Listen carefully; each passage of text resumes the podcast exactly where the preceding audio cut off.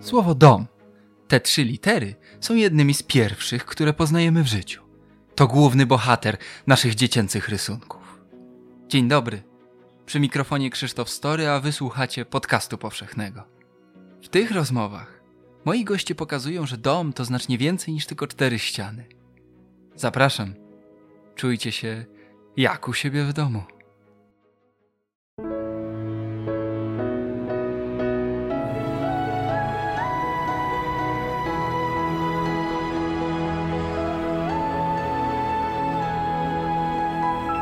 Podcast powszechny. Weź, słuchaj. 4 marca 2020 roku, prawie dokładnie rok temu, wykryto w Polsce pierwszy przypadek koronawirusa. Mamy za sobą wyjątkowy i dla wielu osób szalenie trudny rok. O tym czasie i o perspektywach na przyszłość rozmawiam z profesorem Bogdanem de Barbaro, psychiatrą i psychoterapeutą. Dzień dobry, panie profesorze. Witam, dzień dobry. I chyba zaczniemy od osobistego pytania. Co dla Pana było w tym szczególnym roku największym wyzwaniem? E, chyba kilka takich spraw było. Rozumiem, że pytanie jest e, osobiste, więc nie mam powodu odpowiadać jakimiś uogólnieniami. Dla mnie trudnością było to, że e, przez długi czas z powodu pandemii miałem czy mam ograniczony kontakt z bliskimi. To jest syn, synowa, wnuk Mieszkałem w innym mieście. Pandemia zablokowała kontakty. Co prawda XXI wiek oraz możliwość korzystania z Zooma, Skype'a i tym podobnych wynalazków pozwalają na spotkania takie e, z widokiem na bliskich, ale to jednak nie to samo. E, więc to było jedno. Na polu zawodowym to jest okoliczność e, znacznie wpływająca na procesy psychoterapeutyczne, to znaczy niemożliwość spotkania face to face. Co prawda, znowu korzystamy z Zoomów i Skype'ów, ale y, ta okoliczność, ta, to tworzywo sztuczne, czyni to spotkanie, a zwłaszcza na początku, póki nie będziemy przyzwyczajeni, czyniło to spotkanie sztucznym. Y, oprócz tego świadomość, powiedziałbym teraz już o takim bardziej społecznym zasięgu e, sprawie, e, to świadomość, że, że ludzie cierpią, że ludzie umierają, że są bezradni, że e, niektórzy mają zrujnowaną swoją sytuację ekonomiczną. No, jednym słowem, wielowymiarowo patrząc na to i osobiście, zawodowo i społecznie, za każdym razem to jest coś bardzo poważnego, chyba nie mającego porównania z niczym w moim życiu. Faktycznie mm, ciężko znaleźć w historii, a przynajmniej w historii najnowszej, proces, który dotknąłby nas tak globalnie, który tak bardzo przerastałby nas skalą. Ja zerknąłem dzisiaj rano na liczby i to jest 111 milionów przypadków na całym świecie i prawie 2,5 miliona osób, które na koronawirusa zmarły. Y, to z perspektywy indywidualnego pojedynczej jednostki po prostu nas przerasta. E, na pewno przerastało nas na początku. Potem mam wrażenie, że troszkę tą pandemię oswoiliśmy. Czy pan też ma takie odczucie? Ile nam zajęło takie oswojenie? Ja bym powiedział, że to by zależało właśnie od tych okoliczności dodatkowych. To znaczy, e, trudno się oswajać komuś, komu rujnuje się sytuacja ekonomiczna, komu dewastuje się rodzina, kto nie ma pomysłu, jak sobie z tym poradzić, a inaczej przebiega ten proces u tych, którzy jakoś e, łapią wiatr i sobie próbują mm, poradzić z tymi trudnościami. Myślę, że te właśnie dodatkowe okoliczności będą wpływać na przebieg, ale oprócz tych e, szczególnych czy poszczególnych faktorów jest i coś bardziej uniwersalnego. Na przykład najpierw jest mobilizacja. Mieliśmy do czynienia, prawda, pierwsze miesiące, nie, można najpierw powiedzieć, najpierw to jest niedowierzanie, ale stosunkowo szybko doszło do uznania, że rzeczywiście mamy do czynienia z tym dramatem i wtedy się mobilizujemy, wtedy jesteśmy gotowi respektować różne restrykcje i się im podporządkować. Potem przyszła taka iluzja, że będzie dobrze. To było chyba lato, poluźnione te restrykcje, ale jednocześnie gdzieś tam pod spodem w ludziach się gromadził gniew, gromadziła się frustracja.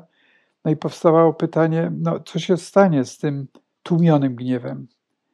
No i jesień przyniosła y, oczywiście nie taki gniew, który szedł y, na wszystkie strony i nie wiadomo z jakich powodów.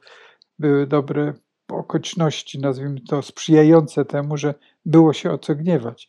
Ale w każdym razie y, taka, taka dynamika tego problemu, tego zjawiska, to znaczy od mobilizacji poprzez ulgę a jednocześnie w pewnym momencie do wybuchów, to jest coś naturalnego dla, dla takich e, procesów społecznych, które mają swój początek w takiej, powiedziałbym, bardzo fundamentalnej, podstawowej trwodze egzystencjalnej. To znaczy pytanie o to, czy będziemy żyć, o to, czy nasi bliscy przeżyją, o to, jaka będzie jakość tego życia, frustrację tego, co nam się przytrafiało i czego nam zabrakło i co nam zabrano.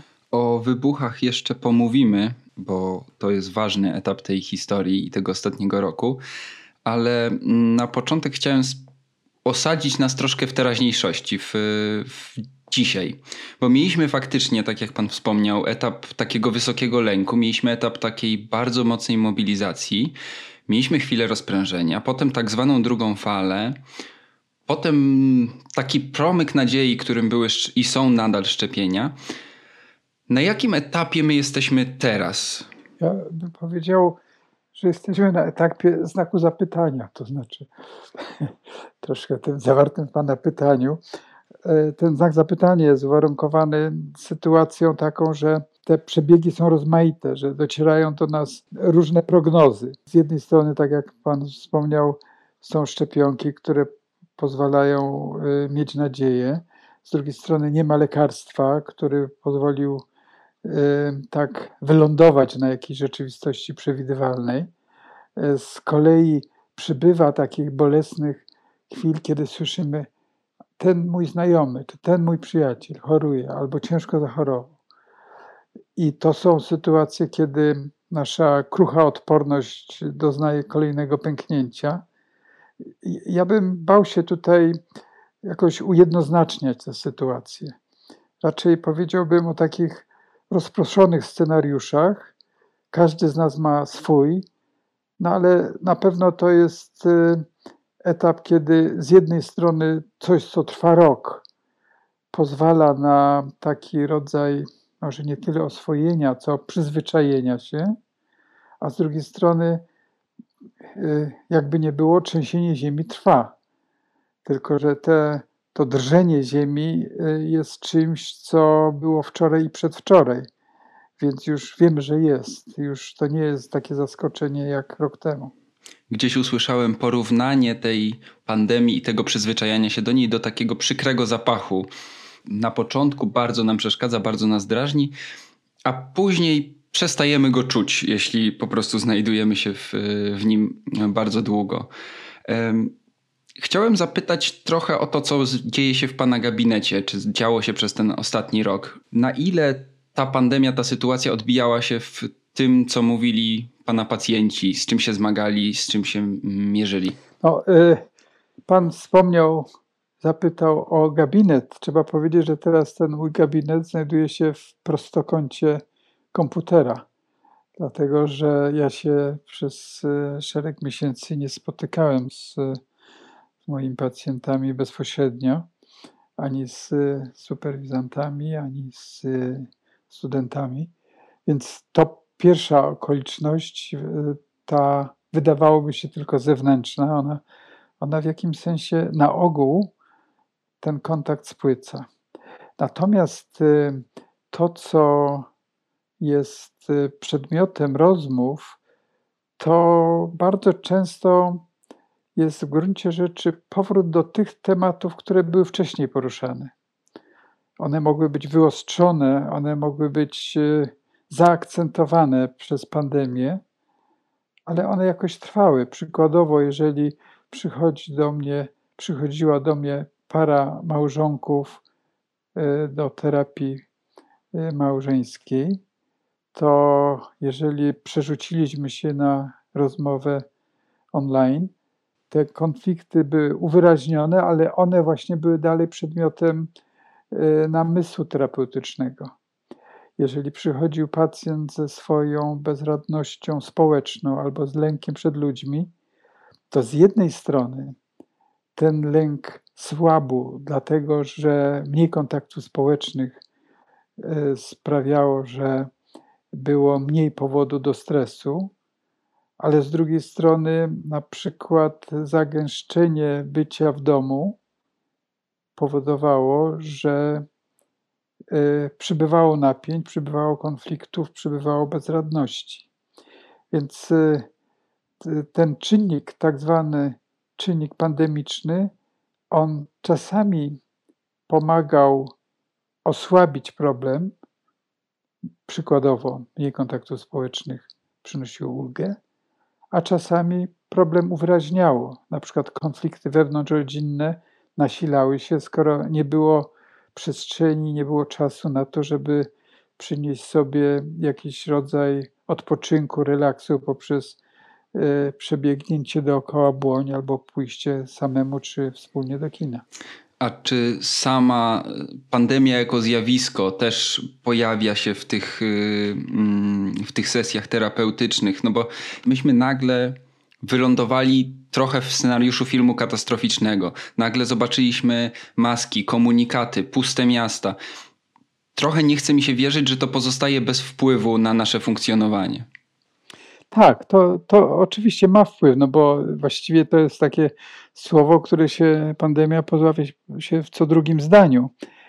Ale jednocześnie, jeżeli sięgać po zasoby własne i relacyjne, jeżeli y, być wrażliwym na drugiego, jeżeli y, doceniać y, własne możliwości wpływania choćby trochę na na swoje życie, na dzień powszedni, to wówczas y, nie damy się zasać temu słowu, nie damy się zasać tej narracji, nie, nie, nie damy się zasać tej y, perspektywie jako jedynej, najważniejszej, która nas przytłacza.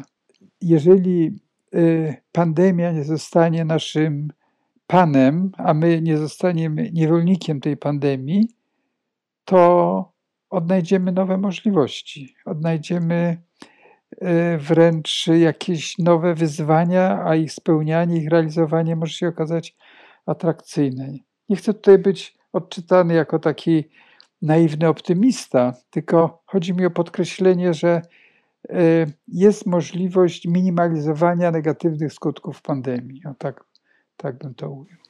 No właśnie, na tym minimalizowaniu się przez chwilę skupimy padło słowo zasoby, więc może przeanalizujmy, co mamy do dyspozycji w takiej sytuacji. E, wspomniał Pan o spacerze po błoniach. Ja tutaj się odwołam do papierowego wydania tygodnika, które jest e, w kioskach. Tam równolegle do naszej toczy się druga rozmowa z psychoterapeutką Jagodą Latkowską. I tam pada takie zdanie: Gdybym miała bloczek, przepisywałabym spacery na receptę. E, wydaje się, że ta natura i wyjście po prostu z domu, coś czego normalnie nie doceniamy jako jakiś wielki luksus, nagle stała się bardzo dużym i bardzo ważnym zasobem. Owszem, to jest też e, pewne, e, to jest taki zasób, e, który ma swoje źródła w tym, że idę, że się ruszam, że jestem w drodze, że mogę spotkać jakiś nowy obraz, nowy widok, nową twarz, nową sytuację, no to jest coś, co można by tak ogólnie nazwać takim psychicznym, a odfizycznym rozruszaniem. I to ma swój, e, e, ma swoją wartość, swój walor. Oczywiście nie, nie ma to być takie bezmyślne chodzenie w kółko, chociaż nie jestem e, przeciwnikiem, a nawet jestem zwolennikiem medytacji, ale, ale chcę powiedzieć, że, że to jest tylko pewien rodzaj formy, do której różne rzeczy, różne treści możemy włożyć. A co daje nam w takim razie, w takiej sytuacji, właśnie ten ruch, który nie zaskoczy nam jakiś niesamowitym nowym krajobrazem. Wychodzimy na błonia na spacer w Krakowie. To jest chodzenie, no może nie po w kółko, ale po prostokącie. To tak jest. Trójkąt zdaje się. Nie, nie, czworokąt. Tak, czworokąt. Dobrze. Y, czwor, po czworokącie. Zatem, y, niezależnie od geometrii, co nam to daje i dlaczego jest takie ważne? Bo ja pamiętam bardzo duże oburzenie, kiedy na kilka dni zostały zam, został zamknięty, odebrany wstęp do lasu. To, pan, to, to, to oburzenie było prawdopodobne, prawdopodobnie związane głównie z tym, że to było absurdalne, bo tam, tam akurat korona na nas nie polowała.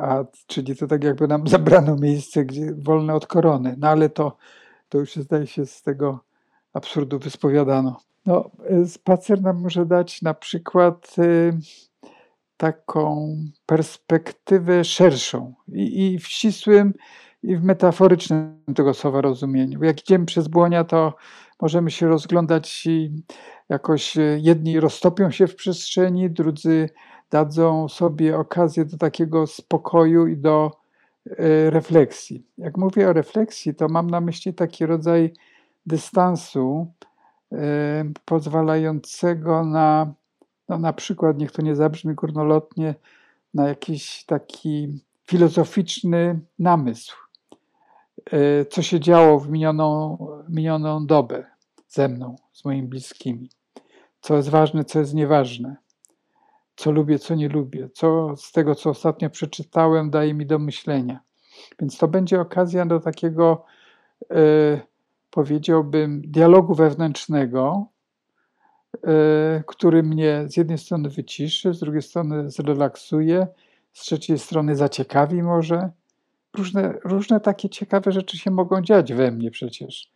E, I to nie mają być wydarzenia na miarę odkrycia Ameryki, tylko takie, powiedziałbym, spokojne wobec samego siebie życzliwości i zarazem ukojenia. Mam wrażenie, że przez ten rok musieliśmy, jeśli odebraliśmy lekcję czegoś, to odebraliśmy chyba lekcję właśnie tej życzliwości wobec siebie. Ja często to powtarzam, więc boję się, że, że to w tym obszarze się staje nudny, ale mi się wydaje to kluczowe, żeby znaleźć sobie cząstkę e, dobra czynionego.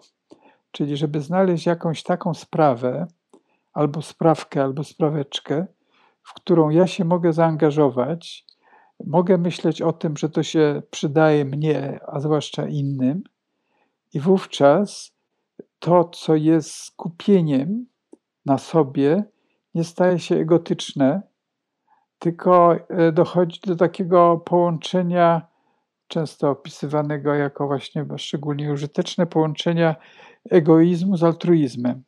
Jeżeli ja coś takiego znajdę i pomyślę sobie, o, tu jest moja dobra sprawczość, to jest coś, co ja mogę realizować i dzięki temu na świecie przybywa dobra. Oczywiście bez popadania w patos, że ja zaraz tym swoim dobrem świat y, obsypię, ale właśnie mała nawet cząstka dobra czynionego przeze mnie da mi prawo do pewnego rodzaju mm, nie, y, nienarcystycznej satysfakcji. I to jest cenne i to może być też fragmentem tej higieny psychicznej, o którą Pan pytał.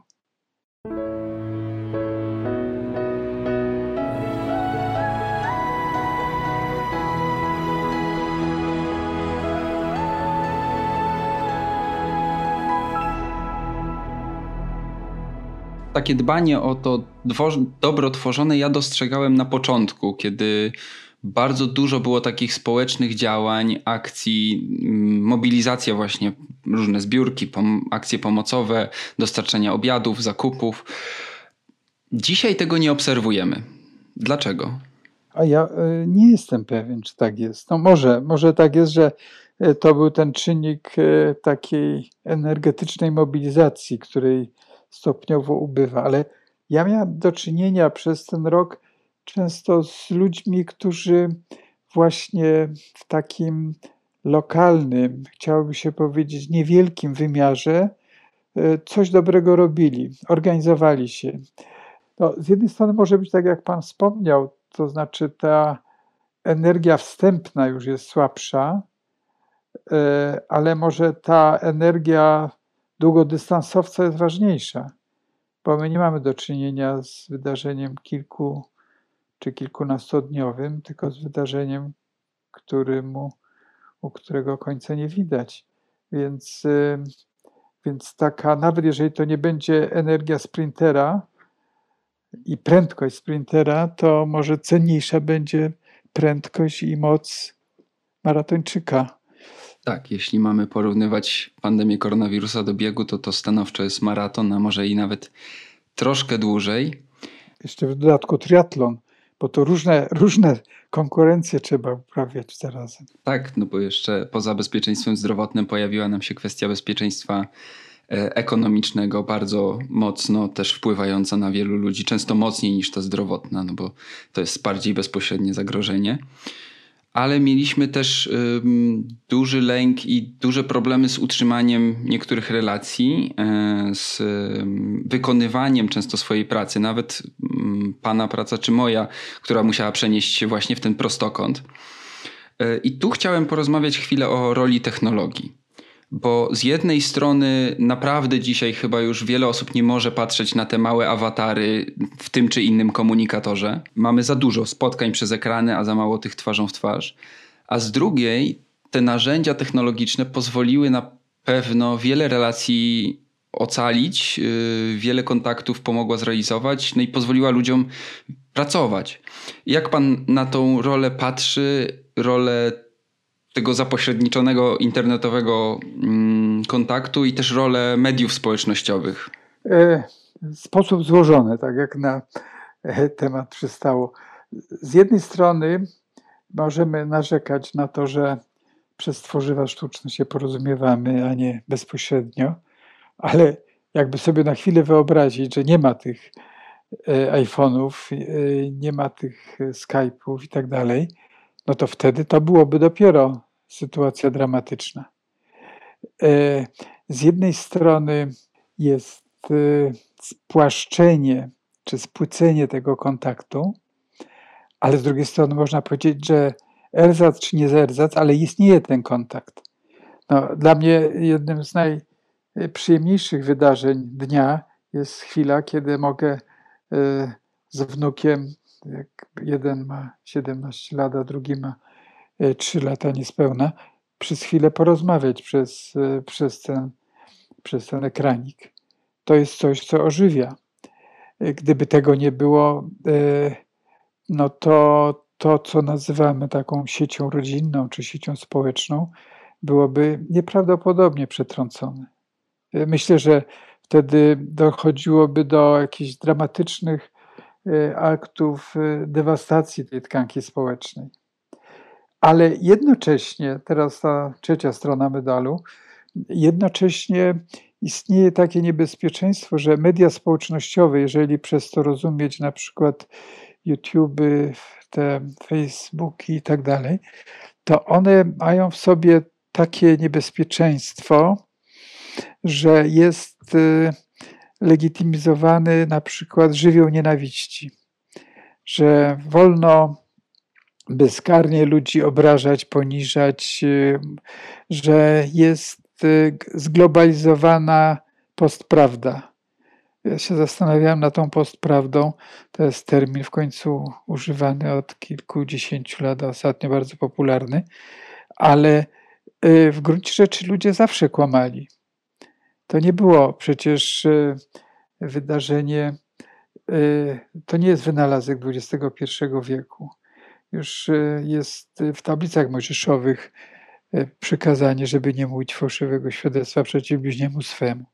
Ale teraz właśnie dzięki tej technologii XXI-wiecznej, po pierwsze bardzo łatwo o rozpowszechnienie, po drugie bardzo łatwo o anonimizację kłamstwa. E, więc za to mass media jakoś ponoszą odpowiedzialność i to budzi mój przestrach, powiedziałbym, dlatego że, że to jest taki y, wehikuł nienawiści. Owszem, jest to wehikuł dla y, czegoś, co jest dobre, bo może dawać wsparcie, może dawać empatię, współczucie, ale no, tak jak z nożem, który może służyć do krojenia chleba i może służyć do zadania ciosu. Więc w tym sensie ta możliwość anonimizowania nienawiści wydaje mi się być niezwykle, niezwykle niebezpieczna. Czy widział Pan konkretne konsekwencje tego w ostatnim roku? No, na przykład, jeżeli mam do czynienia z osobą, która jest tak zwana publiczna i która y, chodzi do mnie, czy tam siada w swoim fotelu, w swoim mieszkaniu na terapii i opowiada mi o tym, jak e, za coś niewinnego, zupełnie niewinnego, nie będę już e, dostała masę takich nienawistnych wypowiedzi, to oprócz banalnej rady nie czytaj tego, no to nic nie potrafię powiedzieć, bo tylko potrafię się zawstydzić, ile, ile tego destruktywnego żywiołu w ludziach jest obecnych. Sam, sam też czasami zaznaję takich, takich, że tak powiem, komentarzy, no ale nie czytam tego, więc, więc nie, nie znam szczegółów, ale wiem, że takie rzeczy mają miejsce i to jest jakoś, myślę, że to będzie przedmiotem badania i socjologów, i psychologów, może filozofów, jak to jest, że jeżeli wolno być w swojej nienawiści anonimowym, to tej nienawiści ujawnia się wielokrotnie więcej. Od nienawiści przejdźmy do gniewu i porozmawiajmy chwilę o tych wybuchach, o których już wspomnieliśmy.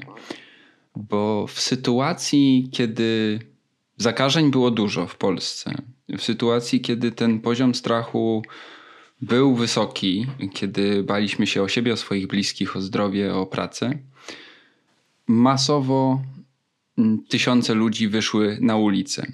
Mam wrażenie, że to tam wyładowało się też bardzo dużo emocji y, związanych z pandemią. Oczywiście, czym innym jest y, skakanie po krupówkach y, z okazji skoków narciarskich, a czym innym jest wystąpienie w obronie kobiet. Ale energia, która wyjęła ludzi z domów, jest tą samą energią, tylko może być użyta do zacnej albo do głupkowatej sprawy. Natomiast y, dla mnie pytanie jest takie, jeżeli by myśleć o tych, którzy są w roli obrońców praw kobiet, albo w ogóle, ogólnie rzecz biorąc, tych, którzy noszą w sobie gniew, to pytanie jest, jak sprawić, żeby to, co jest reakcją, stało się refleksją albo to, co się y, przejawia jako krótki wybuch energetyczny, zamienić w energię długiej drogi. Że to jest dla mnie zupełnie podstawowe pytanie, y, które y, mnie się zawiera w takim pytaniu, albo właściwie w takim wezwaniu, to, o co się dzisiaj gniewasz, zapamiętaj i pamiętaj przez trzy lata następne. Weź pod uwagę, gdy będziesz szedł, czy gdy będziesz szła do urny wyborczej, przypomnij sobie to, co trzy lata wcześniej tobą kierowało, że zaryzykowałeś, czy zaryzykowałeś swoje zdrowie. Bo wybuch gniewu, tak jak to bywa z wybuchami, ma swój krótki okres trwania. A przecież jedna sprawa to jest regulacja emocji, a druga sprawa to jest rozumowanie, myślenie, budowanie własnego poglądu i życie zgodnie z własnymi wartościami. To pierwsze y, może się okazać potrzebne z punktu widzenia właśnie tego, tej regulacji energetycznej własnego organizmu, a to drugie to jest coś zupełnie fundamentalnego dla własnego życia. Być może ta pandemia też jest taką lekcją tej energii długodystansowej, E, którą odbieramy przymusowo. E, przeniósł Pan nas na chwilę e, kilka lat do przodu. Wyobraźmy sobie, że ta pandemia, to co nas spotyka, już minęło. No, kiedyś minie, w taki czy inny sposób kiedyś minie. Co nam po tym zostanie? Wie pan, dzisiaj słyszałem w radiu, że że y, w Stanach Zjednoczonych z powodu koronawirusa zmarło więcej ludzi niż y, Amerykanów w czasie I i II wojny światowej razem wziętych. A o wojnie przecież nie sposób zapomnieć. Więc jeżeli zostanie nam ta pandemia za nami, to jest ta wersja, którą chętnie wezmę do swojego umysłu jako wersję optymistyczną. Jeżeli to będziemy mieli jako rozdział zamknięty, to na, pewne, na pewno to zostanie jako wspomnienie po pierwsze traumy, e, po drugie zostanie jako być może źródło tego, co e, psychiatrzy określają jako PTSD, Post Traumatic Stress Disorder, dla niejednego z nas to będzie coś, co zostanie taką raną bolesną, chociaż już e, nieżywą, ale jeszcze nie zabliźnioną. No ale możliwe też, że e, przyjdą nam z tej pandemii takie lekcje, powiedziałbym, z wyższej półki. No, na przykład zostanie nam poczucie wrażliwości ogólnoludzkiej. Tej, której jeszcze chyba nie mamy dostatecznie. Na przykład, jak to jest w tej chwili z takim egoizmem europejskim, czy z egoizmem narodowym, czy z egoizmem poszczególnych podgrup. E, jak to jest, że w tej chwili e, do Afryki jeszcze żadna szczepionka nie dotarła? E, I za trzy lata będziemy na to patrzeć z perspektywy może zawstydzenia, może zdziwienia, a może, daj Boże, z perspektywy, co zrobić, jak się pojawi następna pandemia, żebyśmy się jako ludzkość nieco mniej skompromitowali. W sprawie tak zwanego egoizmu szczepionkowego, tak go nazwijmy, szef y, Światowej Organizacji Zdrowia wypowiedział się w bardzo zdecydowany sposób, określając to jako stanie na progu katastrofy moralnej, ogólnoświatowej. No i teraz pytanie, czy my jesteśmy w ogóle w stanie uczyć się tak trudnych rzeczy, tak, na tyle, żeby one się nie powtórzyły, czy po prostu mm, kiedy skończy się pandemia, kiedy my w Europie tutaj się zaszczepimy, to wrócimy do tak zwanego business as usual i wszystko zostanie nam po staremu.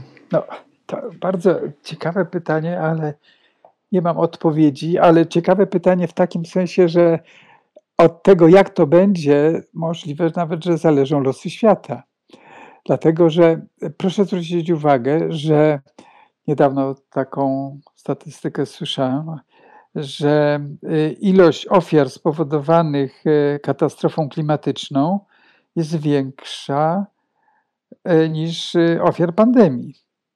Pandemia do nas przemawia swoją nagłością, swoją podstępnością, a jednak e, jak e, czytać e, te idee walki z katastrofą klimatyczną, no to, to nie jest tak, że żeśmy się nagle zorientowali.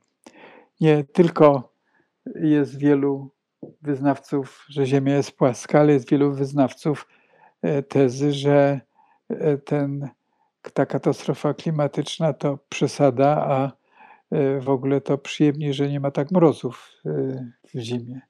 Więc, e, a poza tym my mamy klimat umiarkowany, więc nie mamy co narzekać i to dalszy ciąg tego egoizmu by się tutaj ujawniał. A więc to pytanie, czy my, nazwijmy to, zmądrzejemy, no, znowu padnę w patos, ale od tego zależy życie następnego i następnych pokoleń bo jak nie, no to będzie tak jak z tą żabą, gdzie coraz to podgrzewana nie zauważyła, że już e, prawie jest e, e, we wrzątku utopiona. Ta pandemia to jest jakaś taka okazja do tego, żeby się, jak się to pięknie mówi, stuknąć w czoło i zabrać do takiego globalnego myślenia w obliczu globalnego ocieplenia. Bo inaczej, no to, to będziemy w takiej wersji zbliżającej się do, do wrzątku, udający, że to miło, bo ciepło.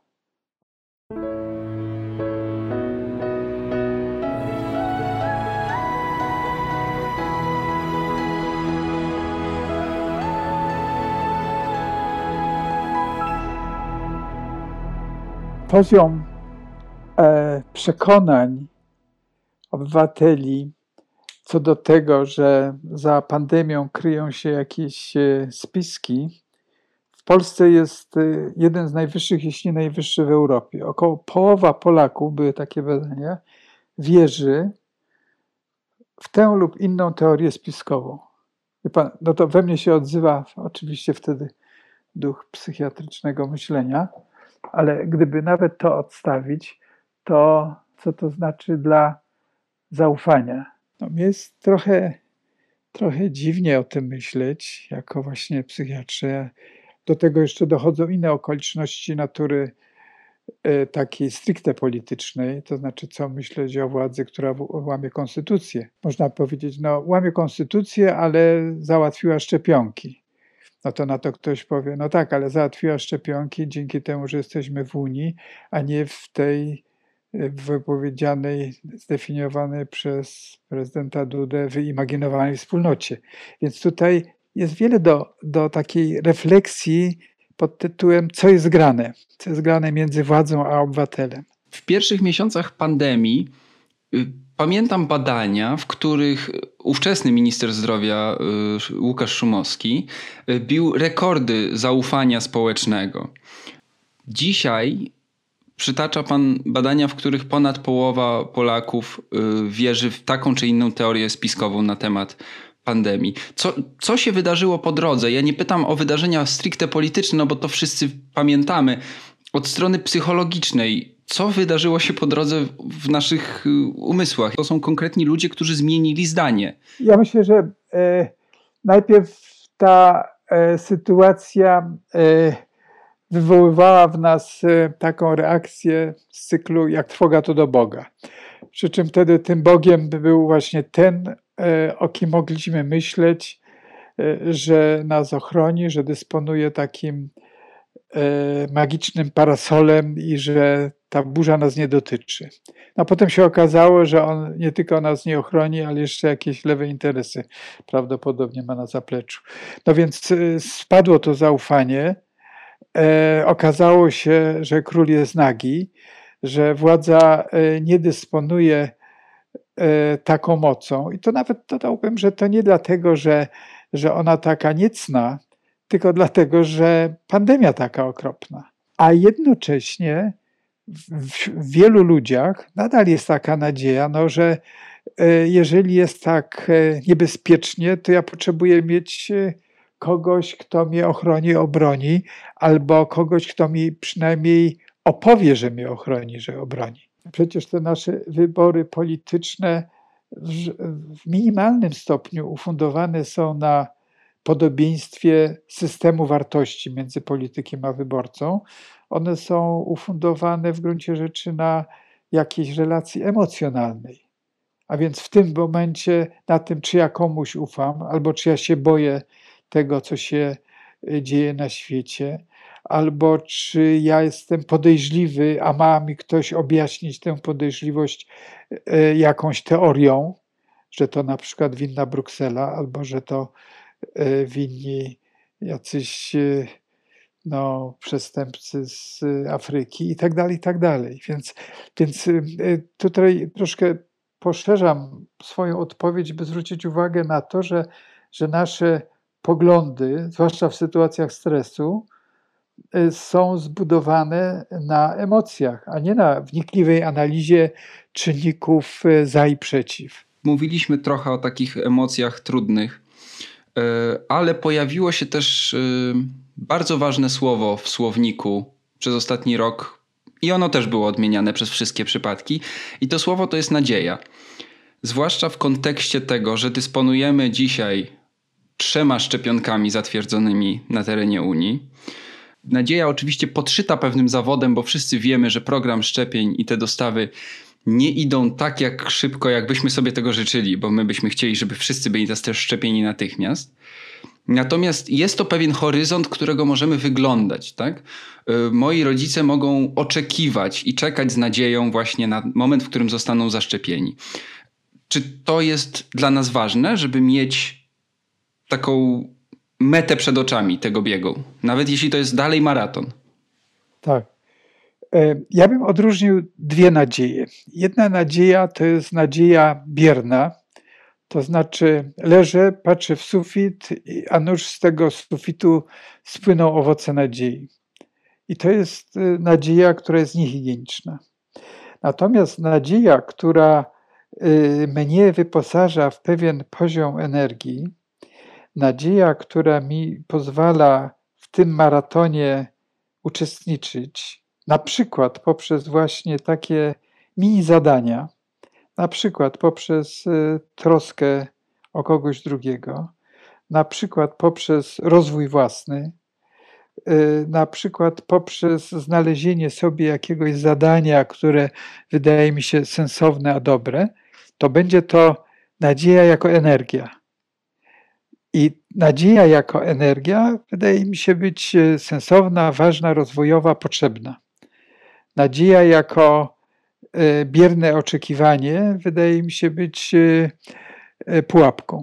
I tu jest problem z, ze szczepieniami, no bo to jest taka nadzieja, na którą musimy biernie czekać. Nie jesteśmy w stanie przyspieszyć produkcji w fabrykach Pfizera czy AstraZeneca. Jak to zamienić w tą taką nadzieję drugą, o której Pan mówił? Tak, no rzeczywiście, bo przecież nasza energia, nasza aktywność nie ma nie przyspieszy produkcji y, szczepionek, ale chodziło mi o to, że owo czekanie na szczepionkę może być puste lub pełne. I chodzi o to, czym wypełniamy ten czas oczekiwania na szczepionkę.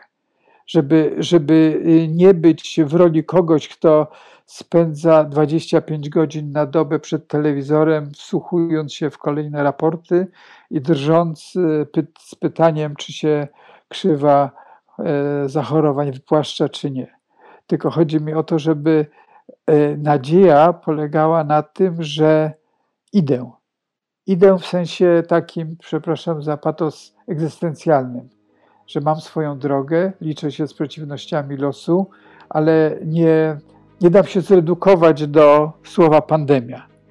I tą radą zakończmy ten odcinek podcastu powszechnego. Moim gościem był profesor Bogdan de Barbaro, psychoterapeuta i psychiatra. Dziękuję bardzo za rozmowę, panie profesorze. Ja też dziękuję. Bardzo mi było miło z panem rozmawiać. Do widzenia. A ja tylko na koniec przypomnę, że pierwszy rok pandemii podsumowujemy także w naszych tekstach. W najnowszym numerze Tygodnika Powszechnego znajdziecie wspomniany już wywiad z Jagodą Latkowską, psychoterapeutką, a także tekst Andrzeja Stankiewicza Obnażeni przez koronę, który analizuje rzeczywistość bardziej od strony politycznej. Zachęcam do lektury, a tymczasem kolejny odcinek podcastu powszechnego dobiega końca. Ja nazywam się Krzysztof Story i dziękuję Wam za to spotkanie. Do usłyszenia. Współwydawcą podcastu powszechnego jest Fundacja Tygodnika Powszechnego. Jeśli słuchają nas Państwo w Spotify albo w Apple Podcast, zasubskrybujcie nasz kanał. Jesteśmy też w Google Podcast i w aplikacji Lekton oraz na www.tygodnikpowszechny.pl/podcast.